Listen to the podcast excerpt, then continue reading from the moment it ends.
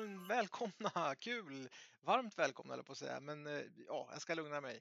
Det här är ju lucka tre i julkalendern för skyddsombudens julkalender som kommer i poddformat. Lucka ett och två, Christer, har ju varit eh, filminspelningar där vi tittar till höger och vänster. Lucka 1 och 2 har varit i lookformat. Nu är det här i poddformat. Ja, ett lite längre ämne eh, som, som, eh, och lite längre tid och som man kan lyssna på. Idag kommer vi prata mikropauser, Christer. Det kommer vi göra. Uh, mikropaus, vad, vad är det för någonting? Du, kan man påstå att mikropaus är lagstadgat? Är det lag på att ta mikropaus? Jag vet inte, hörru Mattias, det var en jättebra fråga. Nej, det står väl ingenstans att eh, man ska ha enligt lagen mikropaus. Däremot så finns det ju studier på att mikrofaser, mikrofaser, mikropauser är gynnsamma för att eh, hålla eh, energin uppe under en hel arbetsdag. Du är ju en förkämpe för Pomodoro-metoden. Kan du berätta lite om den och varför det finns en Pomodoro-metod? Ja, Pomodoro, väldigt enkelt. Till att börja med Pomodoro, tomat, italienska för tomat och det är för att det är hämtat från äggklocka som var en tomatklocka då i Italien. Då.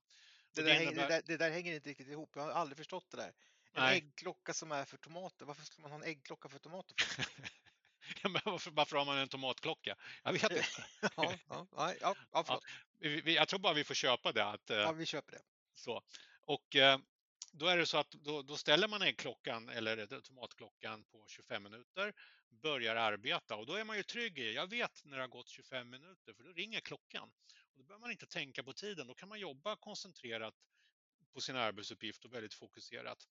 Och sen ringer klockan då efter 25 minuter, då bara släpper man allt, tar en paus på 3 till 5 minuter när mikropausen det kanske är lite längre än en mikropaus, jag vet inte vart definitionen går, men 3 till 5 minuters paus. Sen tillbaka till arbetet igen, vrider upp klockan på 25 minuter och så jobbar man fokuserat till nästa ringning när man tar nästa paus. Och så gör man så fyra sådana 25 minuters perioder.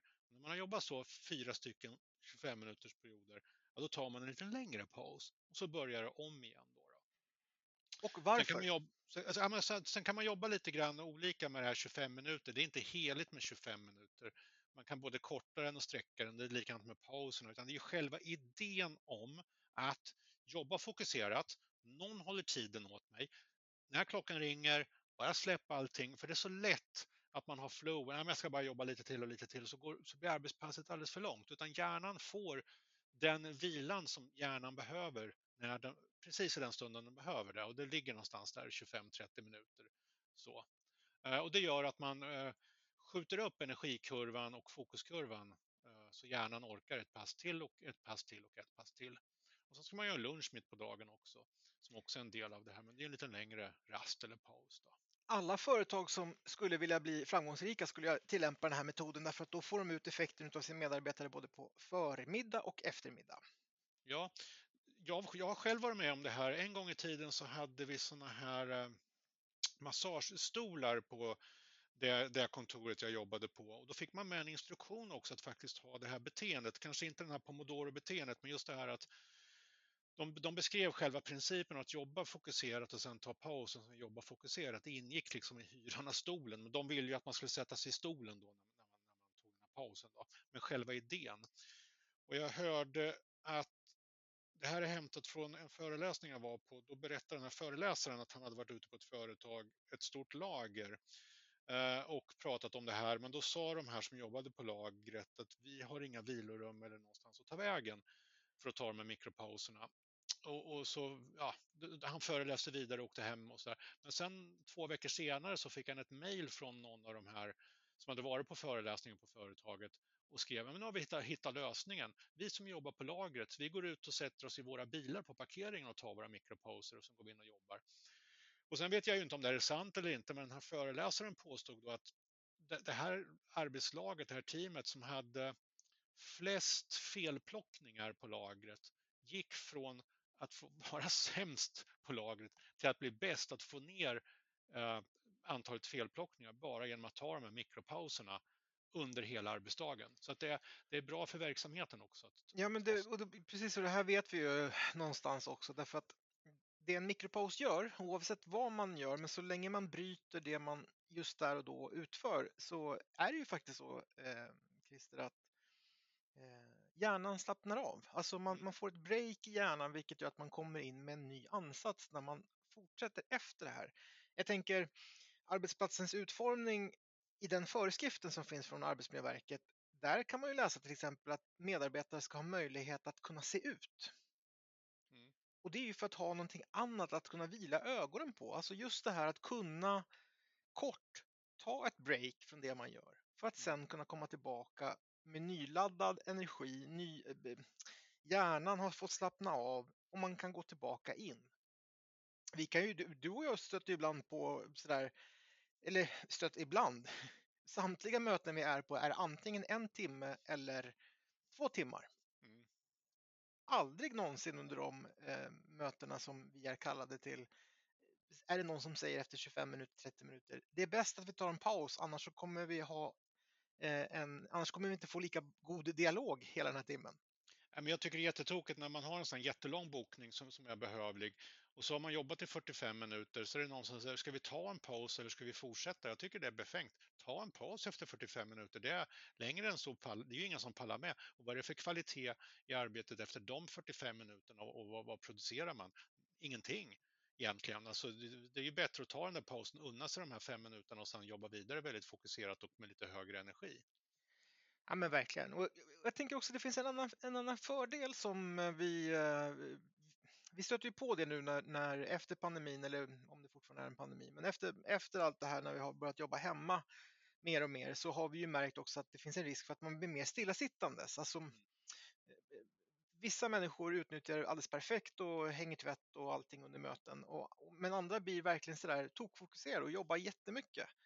Här är det ju också faktiskt för ergonomin jättebra att ta den här mikropausen, kanske ställa sig upp, bara, eller bara dra bak axlarna, bara blunda, ändra sittställning, vad, vad som helst liksom, som bryter av det man precis har gjort för att kunna ta sig vidare. Och, och jag tror att många ja, men det, det bara blir i vardagen på den vänster. Absolut, och jag är på den här energikurvan igen. Om vi kommer till jobbet eh, när jobbet börjar och så gör vi ingenting, utan vi bara jobbar på och, inte tänker på det här, utan vi, vi knegar och, kämpar och, bara håller ut. Då sjunker energikurvan.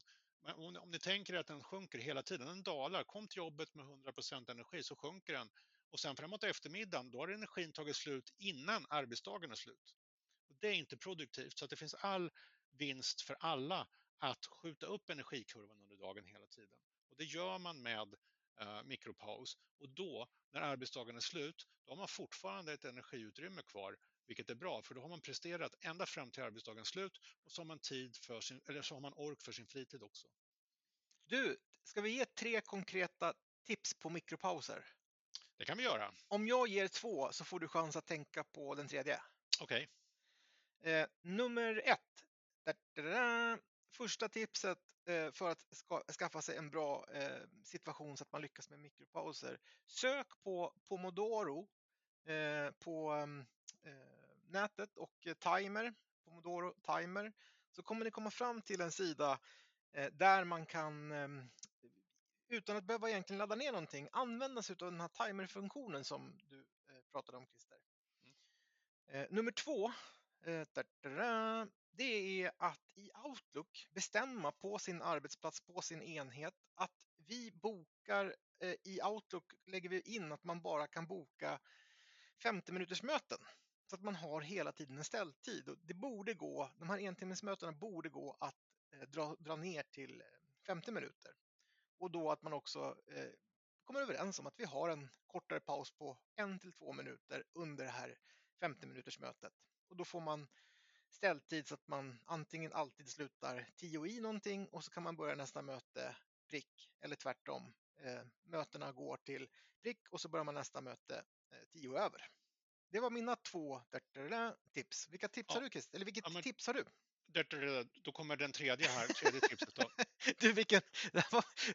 Gör om den där trumpetaren. Nej, det går inte. Det kan aldrig bli så fint som det blev första gången. Så Nej, det är bra. Ja, bra. det går aldrig att upprepa en succé. Man får, backa, tips. man får backa bandet, ja. Eh, Men då är jag inne mer på den här kulturfrågan, pauskulturfrågan. F- Prata om det på jobbet, prata om det i arbetslaget med chefen på APT och ha den här energikurvan framför er. Det finns ingen anledning att ha- en energikurva som dippar eh, innan arbetsdagen är slut, utan ni måste prata om vi ska ha energi hela arbetsdagen ut. Hur får vi det? Jo, genom en sund pauskultur som börjar redan när vi kommer till jobbet. Det går inte liksom att sätta in pauskulturen i slutet på arbetsdagen för att tro att den ger effekt där, utan man måste börja redan när man kommer till jobbet och aktivt jobba med den här pauskulturen. Det var, det var tre tips eh, på eh, paus. Du, innan vi stänger lucka tre här, tänker också att ibland lurar man sig lite grann på vad en paus ska vara för någonting. Jag tänker Ja. att vi ska bara benämna det. Att